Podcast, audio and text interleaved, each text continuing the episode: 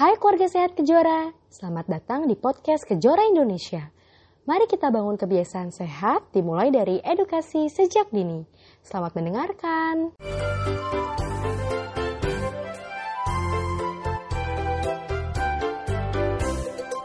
Halo, selamat malam keluarga sehat Kejora.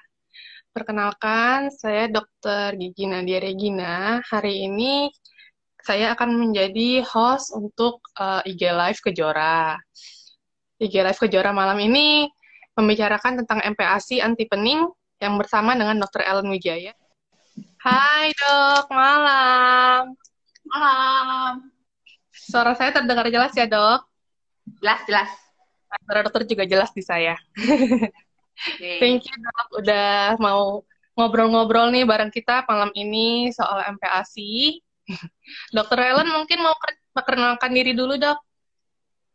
Oke. Okay. Uh, eh, ya, terima kasih uh, Dokter Nadia. Halo semuanya, sahabat Kejora, selamat malam. Terima kasih buat Kejora yang udah ngajak untuk hari ini kita bincang bareng-bareng ya sama sahabat Kejora. Kita akan bahas kupas tuntas mengenai makanan pendamping ASI anti pening bersama-sama malam ini. Semoga bisa bermanfaat buat semua pendengarnya. Iya, thank you dok. Ini kita sama-sama punya dua anak ya dok ya. Sama-sama sudah melewati fase MPASI. Tapi saya to be dok, karena anak saya yang kedua baru usia tiga bulan. Gitu. Wah, oke okay, kak sebentar nah. lagi nih, berarti ya tantangannya ya. iya, tantangan besarnya. Menurut saya sih MPASI itu adalah suatu fase yang penting banget di kehidupan anak, tapi juga nggak kalah pusingnya buat mama-mama ya. belum dengan banyak-banyak dramanya gitu. Dok, mungkin bisa kita mulai uh, tentang MPASI-nya. Uh, kenapa sih MPASI itu penting di kehidupan anak itu? Oke, uh, jadi benar banget kalau MPASI itu pentingnya banget banget gitu ya. Dan sebenarnya kita juga dari kitanya nih, dok harus punya mindset hmm. kalau mau empati itu bukan suatu masalah yang akan dihadapi gitu ya. Tapi kita juga harus happy gitu loh. Karena kalau kitanya udah mulai aduh pening gitu ya mau empati kitanya udah mulai sedih duluan stres duluan ada aja kendala yang bisa muncul gitu ya. Jadi sugesti juga kan kitanya. Betul, tapi yang penting betul, harus betul. ingat bahwa proses atau fase mulai empati itu suatu fase interaktif antara orang tuanya sama anaknya. Dan itu suatu yang sangat menyenangkan. Suatu yang bisa membuat kita bina raport sama anak dan menstimulasi tumbuh kembangnya dia juga gitu. Jadi percaya oh. buat mom semua harus happy karena empati itu adalah fase yang sangat menyenangkan gitu ya. Dan kenapa penting? Nah, tadi kita tahu kalau enam bulan pertama tetapkan rekomendasinya pemberian ASI eksklusif. Betul. Jadi bayi hanya mendapatkan ASI saja, tidak mendapatkan tambahan apa pun, bahkan air putih sekalipun gitu ya. Nah, pada usia 6 bulan, idealnya pada umumnya ya, maka ASI itu sudah tidak lagi mencukupi kebutuhan buat sang anak untuk dia bertumbuh, berkembang gitu ya. Kalau untuk 6 bulan pertama, ASI full udah bisa deh mengcover semua kebutuhannya. Nah, akibatnya setelah enam bulan, maka ASI harus didampingi dengan makanan pendamping ASI tadi. Jadi sangat penting karena supaya tetap nih kebutuhan kalori anak terpenuhi lewat makanan pendamping ASI tadi. Mm-mm. Selain kalori juga vitamin ya dok ya, karena kan mendukung perkembangan otak, bener nggak ya saya? perkembangan otak, terus nanti juga empati itu membentuk uh, kebiasaan makan seorang anak ini ya. Iya. Terus dok, ini sebenarnya kan tadi dokter bilang nih, enam bulan pertama itu kita harus ASI eksklusif. Nah, kalau setelah enam bulan kita MPASI. Nah, untuk menilai kesiapan MPASI seorang anak itu seperti apa sih dok? Biasanya tanda-tandanya seperti apa? Kita bilang, oh nih anak udah cukup siap untuk MPASI. Gitu. Oke, ya bener banget nih. Jadi kalau misalnya di tempat praktek sehari-hari gitu ya, dok kalau udah mulai usianya lima bulan ketemu buat imunisasi gitu ya biasa kita selalu edukasi nih mam sebentar lagi satu bulan lagi kita mulai nih makanan pendamping asinya tapi kembali lagi nggak cuman patokan umur gitu ya tapi kita harus lihat kesiapan anaknya kan udah siap belum anaknya gitu yang pertama pastinya secara motoriknya nih anaknya udah harus bisa apa sih? Paling nggak dia bisa duduk gitu ya, dengan bisa menyangga kepala nih harus kuat. Jadi hmm. kalau misalnya mulai empati, pastikan dulu anak kita juga udah siap secara motoriknya gitu ya. Karena kalau misalnya dia kepalanya aja masih belum kuat nih buat menyangga, tubuhnya belum kuat menyangga kepalanya gitu ya, maka akan sulit sekali kan proses pemberian makan tersebut. Kita sebutnya tuh head leg ya, jadi kepalanya masih ketinggalan di belakang. Jadi ya kalau mam semuanya mungkin punya uh, anak usianya bayinya lima bulanan, boleh deh dicoba tuh, dicek dulu, coba berdiriin dalam arti, wah kepalanya udah kuat nih, udah duduknya udah bisa gitu ya. Berarti secara motorik satu tanda udah siap gitu. Iya, kalau misalnya motoriknya tadi head leg-nya itu belum bisa, tapi usianya sudah enam bulan, tetap belum bisa mulai MPASI ya dok berarti ya? Nah, kalau itu harus cepat-cepat dievaluasi tuh. Bahkan sebenarnya kalau memang ada gangguan seperti itu dok, misalnya keterlambatan, pada hmm. umumnya bisa terdeteksi nggak nunggu enam bulan nih gitu ya. Karena kan perkembangan bayi itu tiap bulan pasti dimonitor. Apalagi kalau hmm. ibunya rajin nih imunisasi gitu ya. Jadi sebelum enam bulan pun kalau ada keterlambatan, apalagi keterlambatan motorik seperti itu, biasanya udah terdeteksi lebih awal. Jadinya nggak nunggu enam bulan baru ketahuan gitu. Nah kalau -hmm. itu memang harus dievaluasi sih. Penyebabnya apa harus diatasi dulu. Gitu. Hmm, jadi bisa diintervensi ya dok sebenarnya untuk gangguan Betul. seperti itu. Oke deh dok.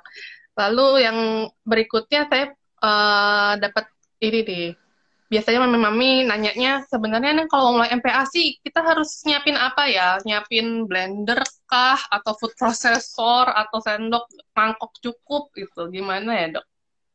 Oke oke, bener banget. Kayak kita, paling kalau misalnya mami-mami baru gitu ya, pasti kan awal-awal tuh semua aja apa gitu. iya benar benar dibeli. Sebenarnya memang yang paling penting itu persiapan adalah hati dulu ya. Pokoknya mental. banget. Manusia harus siap happy, pastikan dulu bayinya siap. Itu sih yang persiapan yang paling penting. Yang pertama harus kita lakukan. Jadi bayinya siap, mamnya siap, baru deh segala sesuatunya. Sebenarnya sederhana, dok. Jadi nggak perlu belanja-belanja hal-hal yang baru-baru, apa yang ada aja bisa kita olah gitu ya. Jadi yang penting prinsipnya kalau susu atau ASI gitu ya, atau mungkin misalnya mamsnya nggak bisa ngasih ASI, eh, mendapatkan susu formula, kan kandungan ASI dan susu formula itu kan masih cair lah ya bentuknya, cair banget gitu ya. Jadi hmm. untuk pertama empasinya memang kita masih bentuknya itu pure kita bilangnya ya.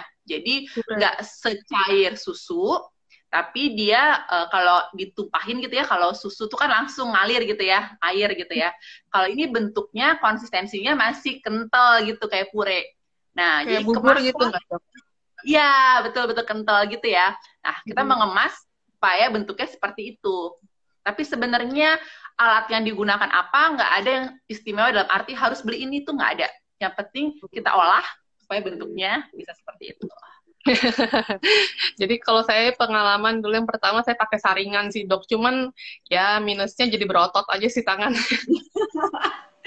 Iya iya ya, benar-benar. Iya gitu. Nah terus dok itu uh, sebenarnya kita perlu nggak sih ngebedain uh, alat baby untuk MPASI uh, dan alat sehari-hari gitu? karena kan ada yang bilang biar bakterinya nggak tertransfer atau harus khusus semua gitu. Sebenarnya gimana sih dok? Ya, betul banget. Ini pertanyaan bagus banget, dok. Jadi memang kita tahu bahwa empati itu ada kan yang harus kita perhatikan ya. Kita kasih dalam tepat waktu nih. Tadi anaknya udah siap belum usianya gitu ya. Pastikan memang waktu yang sudah tepat gitu. Kalau misalnya uh, bayinya belum enam bulan nih gitu ya, tapi kok kenaikan berat badannya serat banget gitu ya, hmm. ternyata tapi udah siap segala sesuatunya gitu. Nah itu hmm. ada kemungkinan kita bisa kasih empati dini, tapi tentu dan konsultasi dengan dokternya gitu ya, tepat waktu jadinya kan. Nah kalau pertanyaan dokter tadi, memang salah satu syarat empati adalah aman tuh. Aman tuh artinya apa sih? Harus bersih, harus higienis gitu ya. Jadi sebisa mungkin memang alat-alat yang kita pakai itu nggak sama sama alat-alat yang biasa. Atau kalaupun terpaksa, memang harus dibersihkan banget. Memastikan intinya adalah aman deh buat anak kita gitu. Jadi bersih, higienis, jangan sampai terkontaminasi. Sabun cucinya juga harus sabun baby ya dok ya?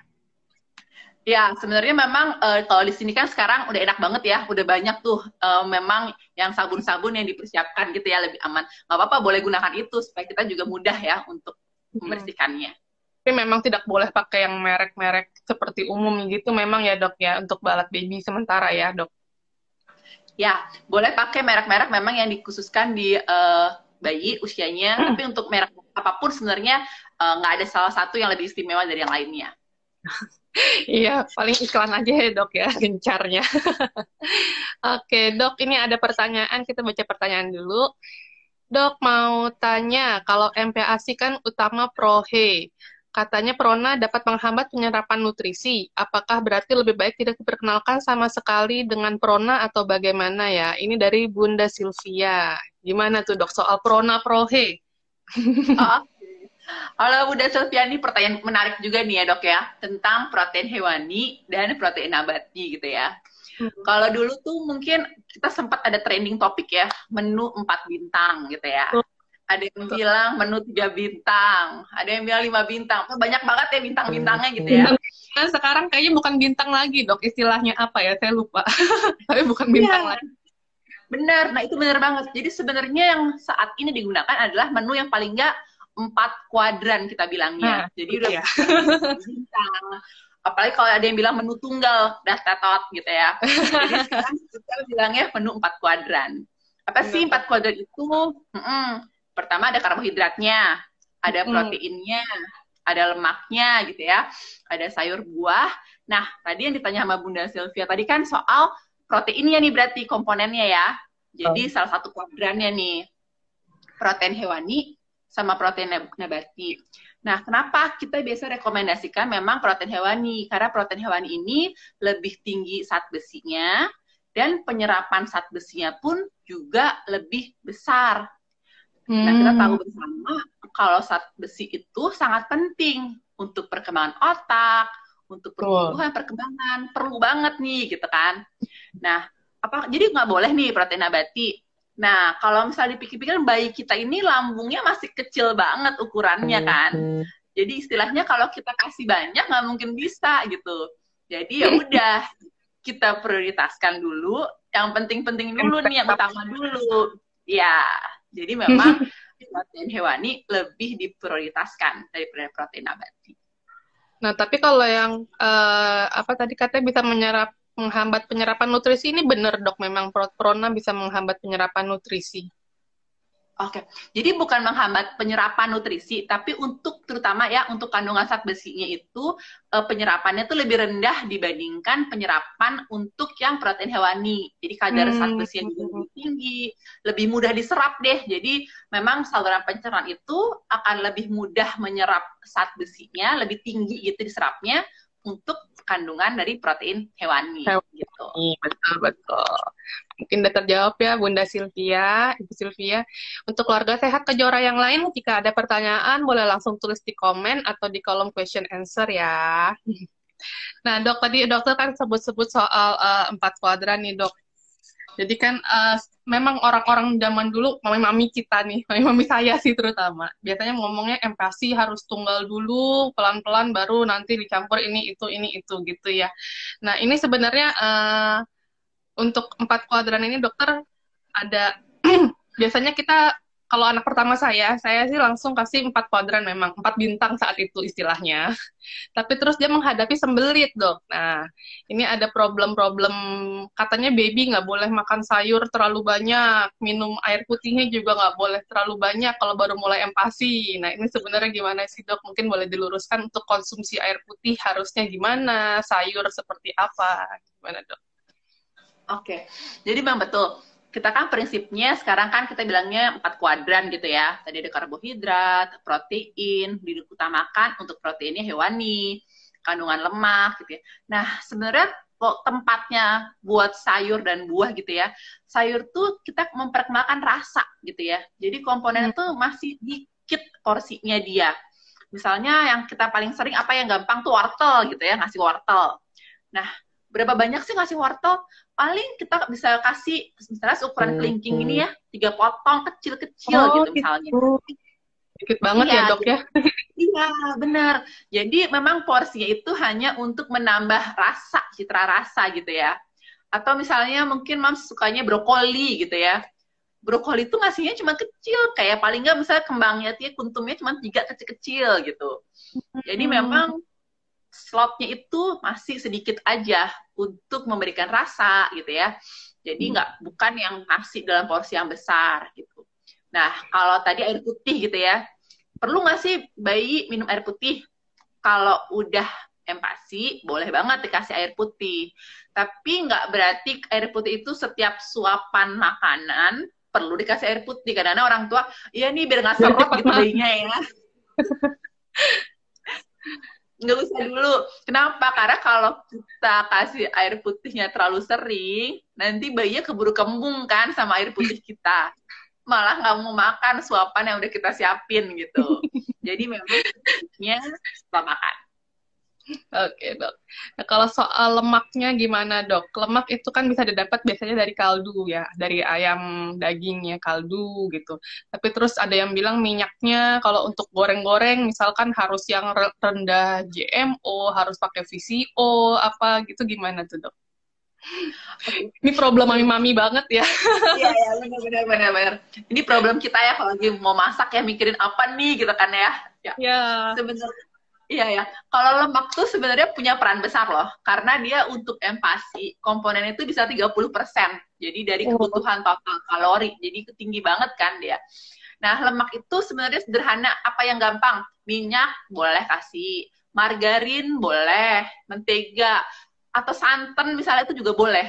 Jadi sebenarnya komponen lemak itu banyak banget. Dan kita tuh asiknya tuh di Indonesia tuh gampang kan segala bumbu-bumbu gitu ya juga banyak ya. Jadi mams pokoknya kreasi dan nggak perlu pusing, nggak perlu pening karena kita dengan kondisi kita di sini, wah banyak banget yang bisa dikreasiin untuk empati deh. Pokoknya momsnya harus happy dulu ya dok sebelum mulai kasih makan anak. Uh, happy gitu. Nggak boleh Ya. pening-pening dulu ya. Peningnya mikirin menu aja gitu ya dok kali. Nah kalau untuk menu itu dokter ada contoh nggak dok untuk baby yang baru mau mulai empasi nih gitu. Biasanya kita mulai menunya tuh apa sih dok? Oke, jadi pokoknya buat eh, keluarga kejora yang hari ini nonton, selalu diingat dan selalu yakin bahwa menu tunggal itu harus ditinggalkan. Jadi udah nggak ada lagi tuh namanya menu tunggal. Ah, baru mulai nih empasinya kasih satu dulu deh, abisnya takut alergi misalnya gitu ya. Atau kasih satu dulu deh, soalnya nggak tahu dia bisa atau enggak gitu ya. Pokoknya kitanya harus optimis, harus mindsetnya positif mindset dulu gitu ya. Dan siapinnya bukan menu tunggal, tapi tadi lengkap semua komponennya. Nah, contohnya apa? Yang penting tahu bahwa komponennya kan karbohidrat nih. Yang pertama bisa 50 persenan ya. Kalau kita di Jakarta, memang kan karbohidrat utama kita beras ya, nasi gitu ya. Jadi buat bubur lah ya bentuknya kan. Tapi karbohidrat tuh nggak cuman punyanya si nasi atau beras itu loh gitu kan. Kentang juga bisa, jagung juga bisa. Jadi bisa dimodifikasi si karbohidrat tadi. Kalau mau awal-awal banget ya udah beras dulu nggak apa-apa kan di Jakarta paling gampang dapetnya gitu ya. Terus protein hewani nih itu juga penting banget kan. Protein hewani yang tinggi saat besinya yang gampang didapat ke hati ayam contohnya. Nah, ayam. udah deh. Dok, Iya. ya. Mm, buat protein hewaninya. Jadi komponen karbohidrat ada, protein dapat. Terus kalau buat lemaknya gampang, kita boleh kasih margarin gitu ya. Sekaligus buat menambah rasa. Dan Hmm. tadi kalau mau kasih sayur pun gitu ya, paling cuman kecil-kecil aja misalnya mau cobain dulu gitu. Jadi prinsipnya aja pokoknya iya, betul betul. Gitu. Itu salah satu seder- yang sederhana deh yang bisa dicoba dulu. Oke dok. Terus eh apa lagi? Paling tadi dokter bilang kan menu tunggal, menu tunggal. Mungkin momi di, eh, ibu-ibu di sini atau kejora kejora belum tahu nih menu tunggal tuh sebenarnya apanya sih yang tunggal gitu. Iya ya. Oke.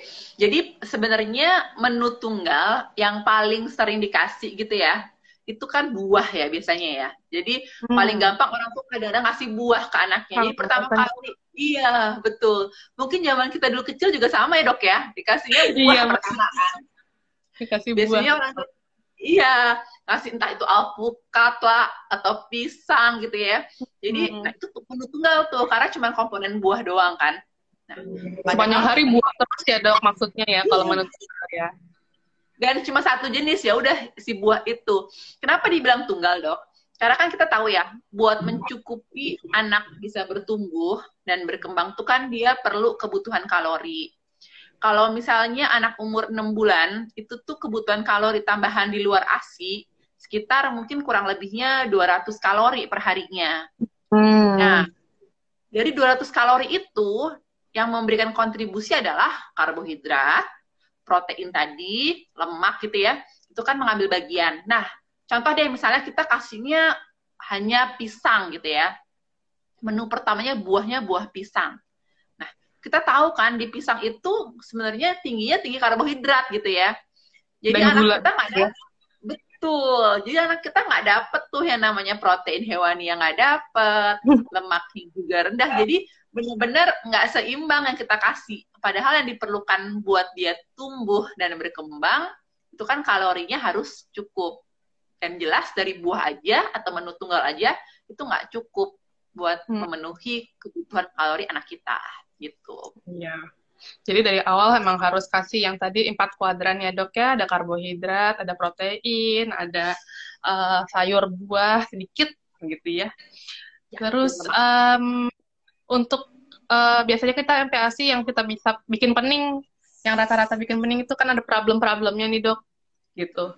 Ada berbagai macam ya dok. Ada yang saya alami sih berbagai macam. Ada sembelit. Yang, yang paling traumatis buat saya itu sembelitnya sih.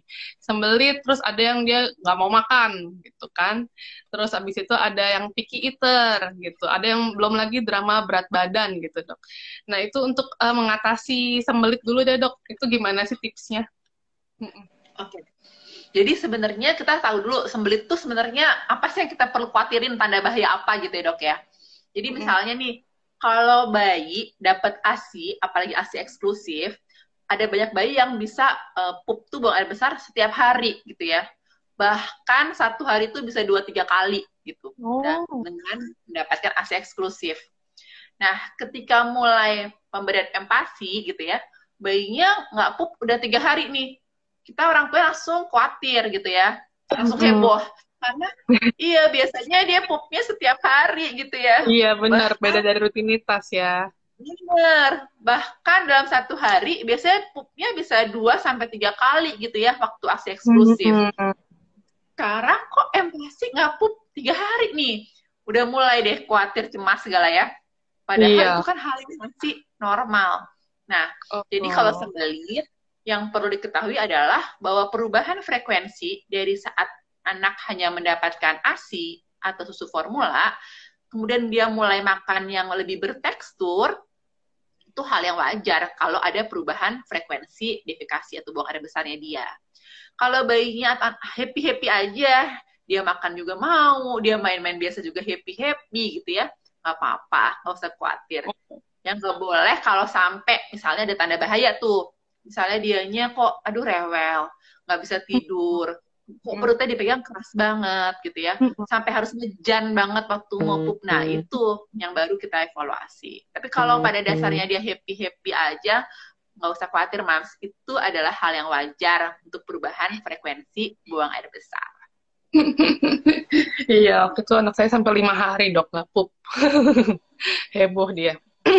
Terus kalau untuk uh, mengatasi picky eater gimana nih dok kita pernah bikin artikel ini ya dok ya iya, betul betul betul nah buat sahabat Sejora harus mampir nih ya berarti ya buka ini ya artikel-artikel Sejora ya dok ya iya Oke, okay. jadi kalau picky eater itu memang tantangan banyak yang bilang, aduh anaknya pilih-pilih makanan gitu ya. Nah, hmm. buat uh, keluarga kejora yang lagi dengerin yang mungkin lagi hamil misalnya gitu ya, bahkan kita tuh harus variasi makanan itu dimulai sejak kita lagi mengandung. Jadi kalau kita ya nggak ada alergi apa pun, makan segala macam, sebenarnya bayi di kandungan kita ikut ngerasain macam-macam juga gitu. Ya. Jadi kalau misalnya kitanya juga pilih-pilih makan gitu ya, jangan kaget kalau tiba-tiba anak kita nggak mau makan, nggak mau milih, nggak mau semua gitu ya, sama doang sama kitanya gitu. Nah, kalau ada Iya. keburu dokter gimana ngatasinnya, Dok? Nah, jadi pertama variasi makanan. Jadi sama cari tahu kenapa sih dia picky eater-nya gitu ya. Variasi makanan lihat dulu nih. Kalau misalnya dia nggak mau makan, jadi milih-milih segala macam. Ternyata memang iya, yang kita kasih selama ini nggak bervariasi. Selalu sama-sama terus. Misalnya nasi sama ayam. Tiap hari nasi sama ayam. Jadi dia lama-lama juga milih nggak bisa dapat variasi, ya udah kita aja kalau makan itu pun bosan banget gitu kan. Jadi Iya, prinsipnya sih adalah ya minim masalah terbesar itu adalah ketika kita tuh nggak memberikan variasi, terus anaknya ke sana jadi milih-milih gitu ya. Padahal sebenarnya mungkin anaknya mau gitu. Jadi coba cari evaluasi tuh variasi makanan, terus pastikan juga menjalankan feeding rules dengan tepat. Itu salah satu kuncinya keberhasilan pemberian makan. Jadi feeding rules pastikan kadang-kadang kita kan ya udah ya anaknya misalnya dengan distraksi macem-macem gitu ya kasih gawai ngambil nonton segala macam Ada Padahal mainan di meja gitu ya, Dok ya? iya benar-benar benar jadi pokoknya kalau gangguan makan tuh harus dievaluasi ingat lagi feeding rules deh udah oke belum feeding rules kita gitu Ya, kita kalau ngebahas feeding rules mungkin akan tambah panjang banget ya dok satu IG live lagi. Tapi Iya, mungkin betul, secara betul. singkat boleh dok uh, feeding rules itu apa sih gitu? Oke, jadi yang sederhana aja deh feeding rules ya. Pertama, buat jadwal makan anak yang tepat gitu. Gimana sih paling gampang, paling sederhana ya dok ya. Contoh misalnya, anak kita baru nih empasi, biasanya dapat AC eksklusif gitu. Tuh, Tentunya kan, gimana? ya kita kan buat jadwal makan, kita kasih dulu misalnya dua kali mengenalkan empasi gitu ya. Nah, jarak antara pemberian ASI sama mengenalkan makan itu paling nggak kasih selang waktu 2 sampai 3 jam. Jadi misalnya kita ngasih ASI ini jam 6 pagi, berarti aman tuh jam sekitar setengah sembilanan kita mau kasih empasinya dia. Jadi dengan jadwal kita atur juga gitu ya, supaya jangan sampai terlalu padat nih. Kalau padat baru dikasih ASI 30 menit yang lalu. Terus jadwalnya empasi. Aduh, langsung anaknya nggak mau empasinya nih, nggak mau. Lah, padahal udah keburu kenyang. Iya. Jadi jadwal tuh harus diperhatikan juga gitu ya. Terus pemberian makannya juga kita kasih waktu 30 menit sih durasi waktunya ya. Jadi kalau udah lebih dari itu, anaknya udah mulai cranky, nggak mau, nggak boleh dipaksa. Ya udah gitu ya. Terus yang sederhana lagi, menghindari distraksi sih sebenarnya. Karena kita tuh udah terbiasa sekarang tuh kalau anaknya makan, udah dia banyak mainan, kadang-kadang ada yang dibawa keliling kompleks gitu ya. Kadang Sebenarnya itu kakaknya secara, juga gangguin atau adiknya gangguin gitu. iya iya benar benar benar. Padahal secara Tapi sebenarnya nggak boleh distraksi. Oh, tapi sebenarnya boleh nggak sih dok kalau makan sambil digendong sambil digendong jalan-jalan gitu sebenarnya boleh nggak sih dok? Sebenarnya memang yang paling tepat adalah anak dibiasakan eh, makan di tempatnya dengan duduk dengan, eh, dengan lingkungan makan gitu ya, supaya dia tahu bahwa makan itu memang dengan kondisi seperti itu gitu. Kalau dibawa jalan-jalan segala macam, nanti misalnya nih lagi traveling gitu ya di mobil atau di pesawat misalnya ya, nggak mau makan kan, karena biasanya jalan-jalan gitu kan, oh repot banget, kita ntar nggak bisa gitu kan. Jadi memang kondisikan seperti layaknya kita makan yang eh, dengan tepat. Dokter ini ada lanjutan dari Bu- Ibu Sylvia yang tadi. Dok, sorry mau nambah nanya yang tadi. Berarti Prona dikenalkan setelah 2 tahun selesai MPASI? Oke, ya. Hmm. Jadi sebenarnya eh, dikenalkan boleh banget. Kalau kenalan mah boleh kayak macam tadi sayur. Sayur kan juga dikasih ya, tapi dengan proporsi yang mungkin sedikit gitu ya. Sama protein nabati boleh banget dikasih sejak umur empasi mulai boleh, tapi tentu dengan proporsi yang lebih sedikit dibandingkan protein hewaninya gitu. Kita prioritaskan protein hewani. Tapi kenalin boleh nggak? Boleh banget. Nggak perlu nunggu sampai 2 tahun. Boleh. Tapi dengan Kalau jumlah yang Kalau nanti sayur yang tadi dokter bilang sedikit itu kapan mulai dibanyakin ya dok? Proporsinya harus tambah banyak. Oke, jadi sebenarnya naiknya itu eh, nggak ada ketentuan, misalnya umur 7 bulan harus sekian gitu ya. Eh, kita Hmm. lihat lagi ke- dengan eh, kemampuan anaknya juga, dinaikin bertahap sesuai dengan selera makannya anaknya, itu boleh banget gitu. Tapi untuk awal-awal 6 sampai 9 bulan pertama, memang prinsipnya kan mengenalkan rasa dulu ke anaknya gitu. Hmm. Nah, untuk rasa, kita kita ngomongnya ini terus ya dok, ada ini lanjut lanjut lanjut emang empati begitu ya dok ya satu satu Ya, nyambung sama satu. Untuk rasa kita nyambung penggunaan garam dok. itu kan juga jadi orang biasanya bilang tidak boleh dan boleh gitu. Garam atau bumbu-bumbu lainnya mungkin ya dok ya gula atau mungkin micin atau apa. Itu gimana sih dok sebenarnya aturannya di baby untuk yang baru mulai empati ya? Ya ya. Kalau yang penting sebenarnya kita tahu bahwa nggak boleh sesuatu itu berlebihan gitu ya. Kalau misalnya garam paling gampang itu anak umur di bawah satu tahun pemberian garamnya itu paling cuma satu gram satu gram itu seberapa sih gitu ya kalau sendok teh itu aja mungkin sekitar sepereneman jadi cuma sedikit banget gitu hmm. kalau masaknya nggak pakai sendok udah kebiasaan kayak kita dulu waktu masak kayak tinggal sejumput gitu ya bener-bener sejumput dikit banget si garam itu itu boleh jadi satu graman per hari anak di bawah satu tahun masih boleh hmm. kalau garam memang sebenarnya dikasih batasannya berapa. Kalau garam itu untuk uh, gula ya. Tadi kalau garam satu gram per hari di bawah umur satu tahun ya. Hmm. Kalau gula itu sebenarnya batasannya kurang lebih itu dia sekitar 5 graman untuk sampai anak oh, umur ya dua tahun. Tapi dok yang perlu diingat kalau gula sebenarnya kandungan gula itu tinggi banget pada buah dok. Jadi hmm. kalau kita udah rajin ngasih anak buah dok, misalnya kita ngasih pisang atau alpukat atau pepaya, bukan rajin ngasih buah deh ya. Sebenarnya kebutuhan gula si anak itu udah tercukupi banget dari banget. si buah. Mm -mm. Bener. Jadi, jadi lebih baik kasih buah gula. Bener-bener. Jadi jatah gulanya udah dari buah dok, dapat dari buah. Oke, uh, dokter Ellen agak loading ini koneksinya. Tapi kalau rasanya terjelas jelas dok? Ya, masih jelas dok, jelas banget. Oh ya, oke. Okay. Um, pertanyaan berikutnya ini dok, kalau sayurnya cuma dikenalkan sedikit di awal MPASI, nanti akan ada kecenderungan anaknya akhirnya sulit makan sayur nggak ya dok? Pas sudah lebih gede dari ibu Tara? Oke, nggak usah khawatir. Kalau misalnya anak dikenalin rasa gitu ya dok aman. Jadi nantinya dia memang justru kita kenalkan dari awal-awal tuh kan rasanya citra rasanya ya sebenarnya diperlukan ya. Tetap itu oke okay banget nggak akan mengganggu dan akan tetap uh, bermanfaat buat dia ngenalin rasa jadi nggak usah khawatir tetap boleh diberikan dinaikin bertahap sesuai kemampuan sih oke okay banget oke okay. ada pertanyaan lagi dari Ibu Tara sebelumnya Uh, kalau dikasih empasi agak pedas gitu nggak apa-apa nggak ya dok? Karena anak suka cobain makanan orang tuanya seperti masakan Padang. Oh, dari Padang nih ya berarti ya. Anaknya Ibu Tara kayaknya 10 bulan deh. Oke oke oke. Iya. Ya, jadi dok sebenarnya segala citra rasa ya kayak misalnya bumbu-bumbu ya mau bawang merah, bawang putih, bumbu-bumbu masakan Padang gitu ya. Kembali lagi ke toleransi tiap anaknya kalau misalnya anaknya bisa makan dengan toleransi yang baik gitu ya, nggak ada diare, anaknya semuanya kondisi oke, okay, sebenarnya sih boleh dikenalkan aneka rasa tersebut. Jadi dikenalkan boleh, yang penting kita pantau toleransi anaknya.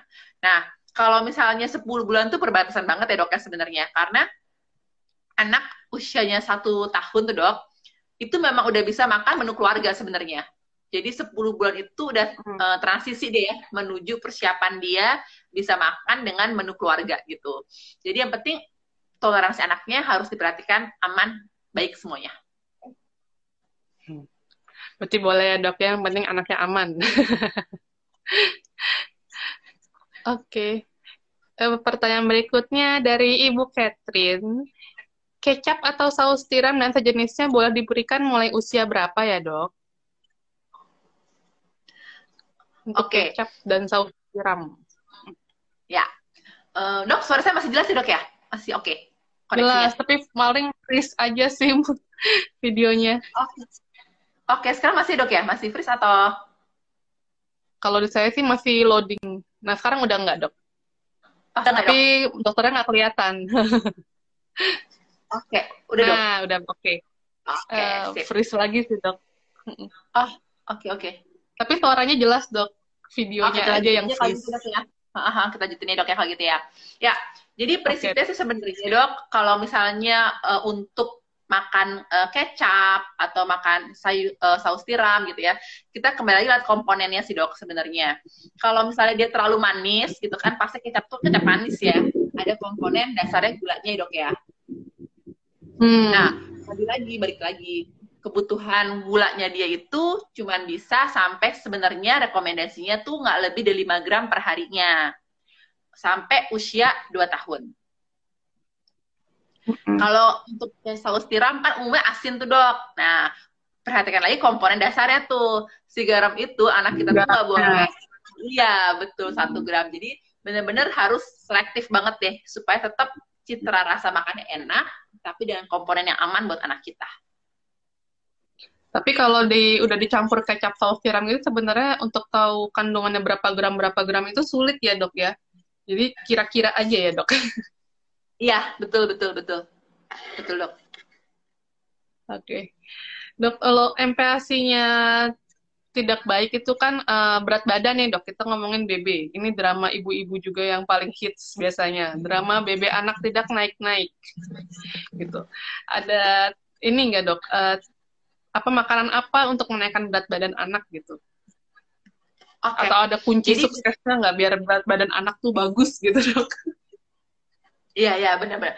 Jadi dok, setuju banget kalau misalnya untuk melihat kesuksesan pemberian nutrisi kita, makanan pendamping ASI ataupun semua itu adalah dengan pemantauan tubuh kembang anaknya. Jadi uh, penting banget, Mams, kita udah siapin nih empasi anti pening gitu ya. Tapi memang yang paling harus diperhatikan adalah pemantauan tubuh kembangnya juga. Jadi apa sih yang masih dipantau? Yaitu uh, berat badannya, panjang badannya, lingkar kepala, dan jangan lupa lihat kurva pertumbuhannya. Jadi kalau tiap bulan ini udah rajin banget nih, mengukur berat badan mau, panjang badan rajin, lingkar kepala, tapi nggak pernah diplot di kurva. Nah, itu kurang efektif juga. Karena selain kita tahu beratnya, kita harus lihat bentuk kurvanya. Pastikan kurva pertumbuhan anak kita itu naik ke atas tuh dok, ngikutin kurvanya gitu itu yang paling bagus. Jadi jangan lupa monitoring itu penting sekali. Kalau kelihatannya, aduh anaknya makannya banyak banget, empasnya pen pinter deh, nggak ada masalah gitu ya. Tapi kok kurva pertumbuhannya nggak bagus gitu, melandai terus gitu ya. Nah itu hati-hati, ada yang perlu kita evaluasi. Hmm. Jadi untuk suksesnya dok, dengan menerapkan feeding rules yang tepat, kemudian makanan pendamping asinya juga dengan komposisi yang tepat, maka biasanya sih umumnya nih ya sukses deh tumbuh kembangnya naik dan bagus. Pokoknya mama tidak pening lah ya dengan berat badan ya. kalau feeding rules-nya diterapkan betul. dengan baik ya dok. Iya betul. Oke. Okay. Ini sambil nunggu lagi. Kalau ada pertanyaan boleh di komen, silahkan ya. Kemarin teman saya sempat nanya sih dok, untuk persiapan makanan empasi ini kan kadang-kadang ibu-ibu nyiapin di pagi hari di dok. Terus uh, anak kan biasanya makan dua kali, tiga kali sehari ya kan. Itu menunya mas boleh sama ya dok? Maksudnya jadi saya masak sekali di pagi hari terus disimpan di chiller atau gimana cara menyimpannya supaya bisa dimakan lagi di sorenya gitu. Sekali masak banyak. Oke, okay. ya. Jadi memang ini pertanyaan uh, teknis praktis yang selalu ditanya sama mama-mama nih. Kalau misalnya kita lagi mau bisa keburu, paling efek paling oke okay sebenarnya memang variasi ya. Tapi kalau misalnya makanan pendamping Asia baru dua kali nih seharinya, ya udah usahain hmm. bisa nyiapin dua kali dengan menu yang berbeda. Tujuannya variasi makanan, sekaligus memperkenalkan eh, menu baru gitu ya.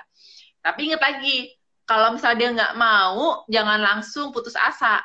Karena untuk anak bisa kenal rasa dan mau, itu bahkan harus sampai kurang lebih bisa ada yang sampai 15 kali percobaan baru anaknya mau gitu. Jadi jangan khawatir. Hmm. Nah kalau misalnya harus terpaksa nih nggak bisa masaknya benar-benar harus disimpan uh, satu kali masak buat dua kali gitu misalnya ya.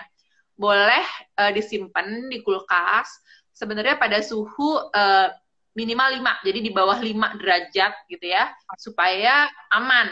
Karena suhu antara 5 sampai 60 derajat gitu ya, termasuk suhu di ruangan, itu paling nggak cuma bisa tahan 2 jaman.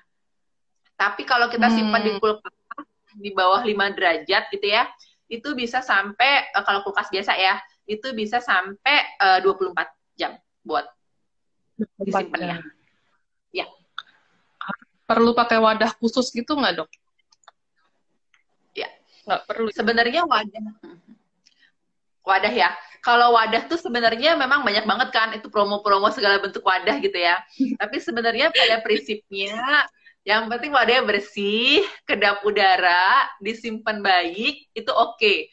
At least kalau udah diolah ya, maksudnya udah segala campuran itu, empasnya udah tercampur, 24 jam di kulkas, itu masih oke. Okay. Aman. Untuk daging gitu juga masih oke okay ya dok? Ya, asalkan disimpan dengan uh, benar ya, maksudnya dengan ditutup kontainernya, kedap udaranya, kemudian uh, paling lambat kurang lebih 24 jam lah kita boleh masih bisa uh, simpan itu. Oh, kalau di freezer gimana dok? Kalau freezer bisa lebih lama. Ada banyak yang bilang bahkan bisa sampai satu bulanan gitu ya. Jadi tapi kan oh, kalau iya. kembali lagi kalau iya kalau misalnya masak kalau ada waktu ya iya berikan langsung. Hmm, oke okay, dok. Oke. Okay. Terus kalau untuk Uh, ini belum ada pertanyaan lagi ya dok. Jadi pertanyaannya saya terus deh dok. Oke, okay. dok. Uh, kalau yang fase apa ya anak GTM ini dok, biasanya penyebabnya apa sih dok? Oke. Okay. Ya, GTM itu kan tren banget ya dok ya. Gerakan tutup mulut gitu ya mams ya. Kayaknya anaknya nggak mau buka mulut nih, tutup mulut. Iya. nggak mau makan. Benar-benar benar. Itu memang PR PR-nya evaluasi lagi sih, dok. Kenapa dia nggak mau makan? Kalau misalnya kita lihat nih, oh ternyata dia nggak mau makan lagi demam gitu ya. Karena anak kalau lagi demam susah makan. Jadi ya bisa dibilang tanda petik wajar kalau dia GTM nggak bisa makan gitu ya. Jadi memang penting banget mams harus tahu nih kalau anaknya nggak mau makan kenapa ya cari tahu dulu nih. Kalau sederhana tadi ukur su anaknya dulu pastikan nggak lagi demam misalnya. Kemudian paling gampang lagi cek ada nggaknya pertumbuhan gigi dok. Iya betul. Jadi, ya sering kali anak kalau giginya lagi mau tumbuh gatel sakit gitu ya dok ya.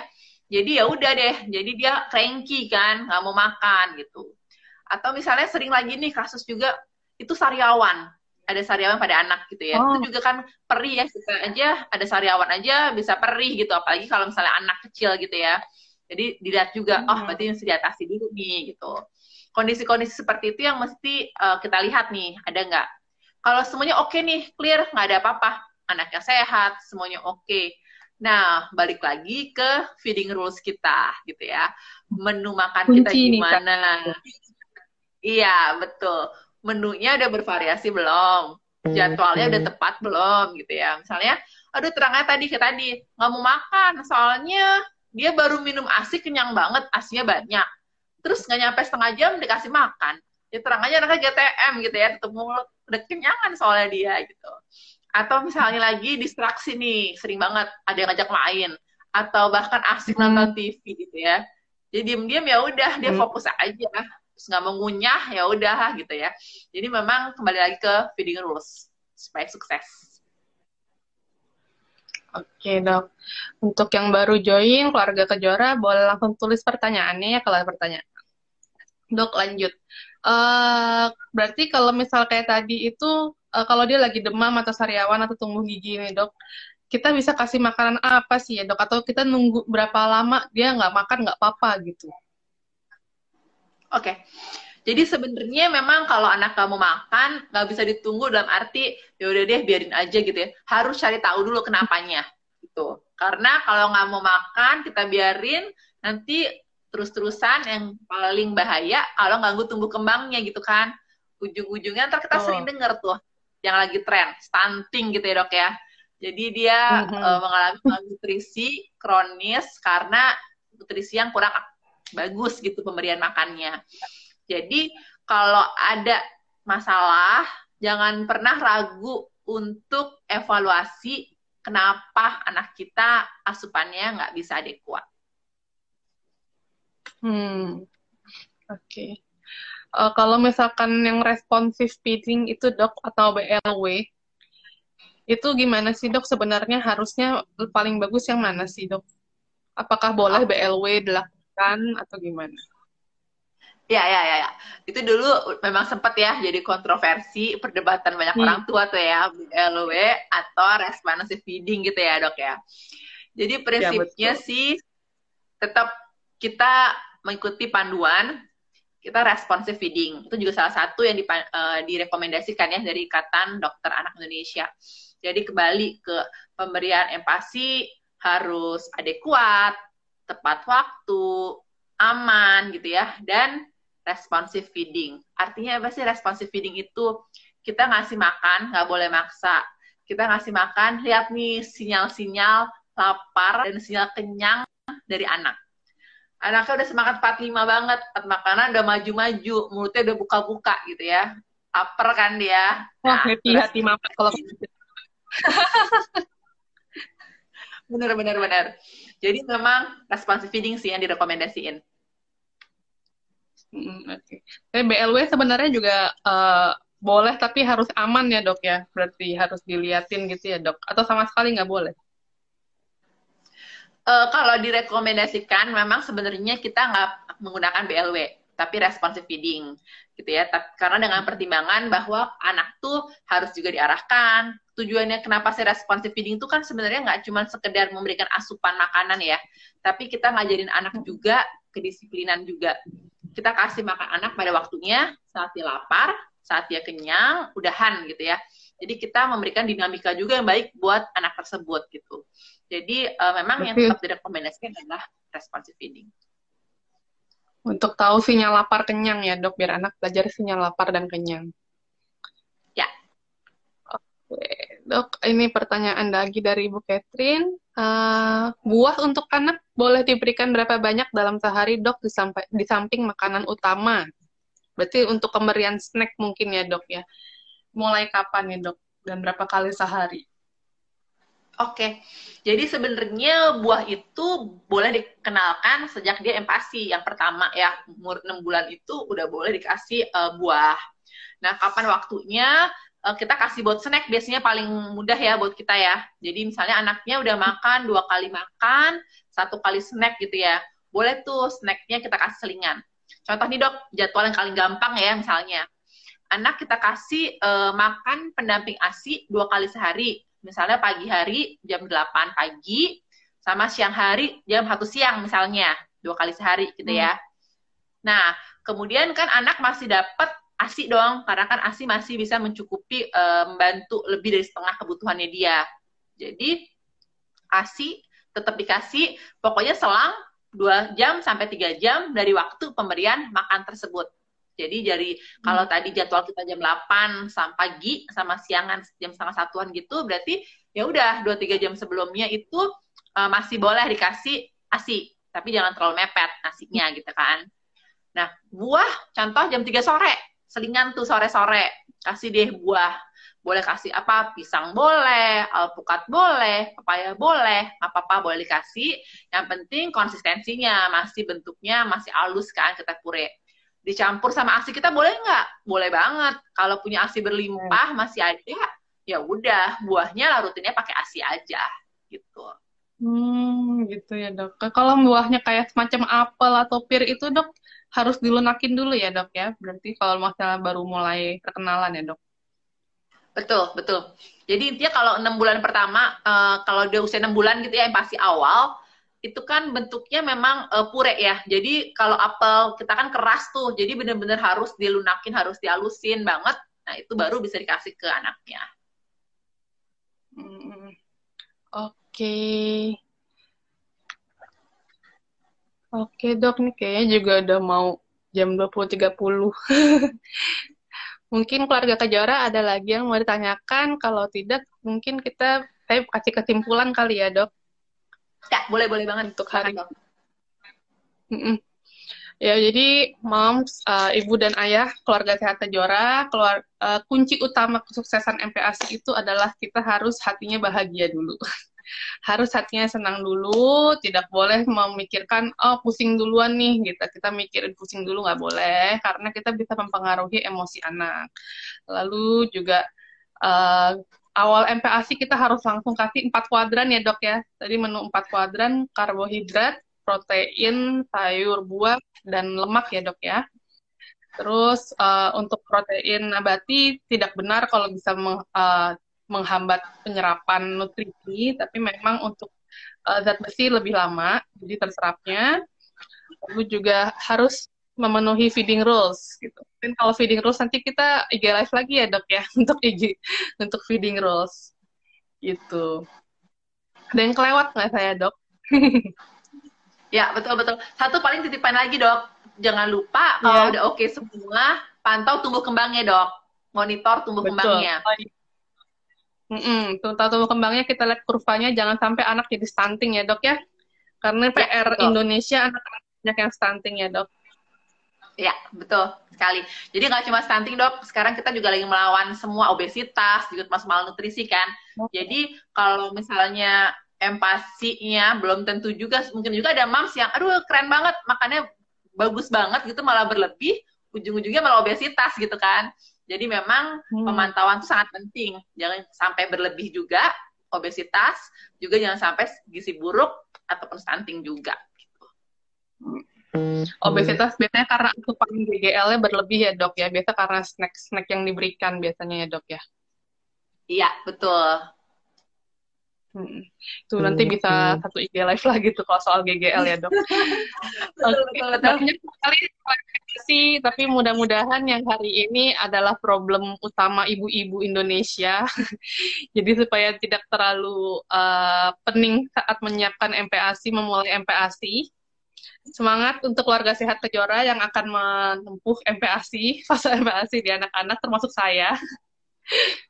Oke, okay, Dokter Ellen, thank you banget untuk hari ini penjelasan dan waktunya, Dok. Ya, terima kasih Dokter Nadia, semoga berguna dan kita ketemu lagi kesempatan ya. lain. Pokoknya penting harus happy terus ya, Dok ya. Iya, oke. Okay. Sampai ketemu lagi, Dok, di kesempatan berikutnya. Terima kasih keluarga sehat Kejora yang sudah nonton. Selamat malam. Jangan lupa follow ya untuk Kejoranya.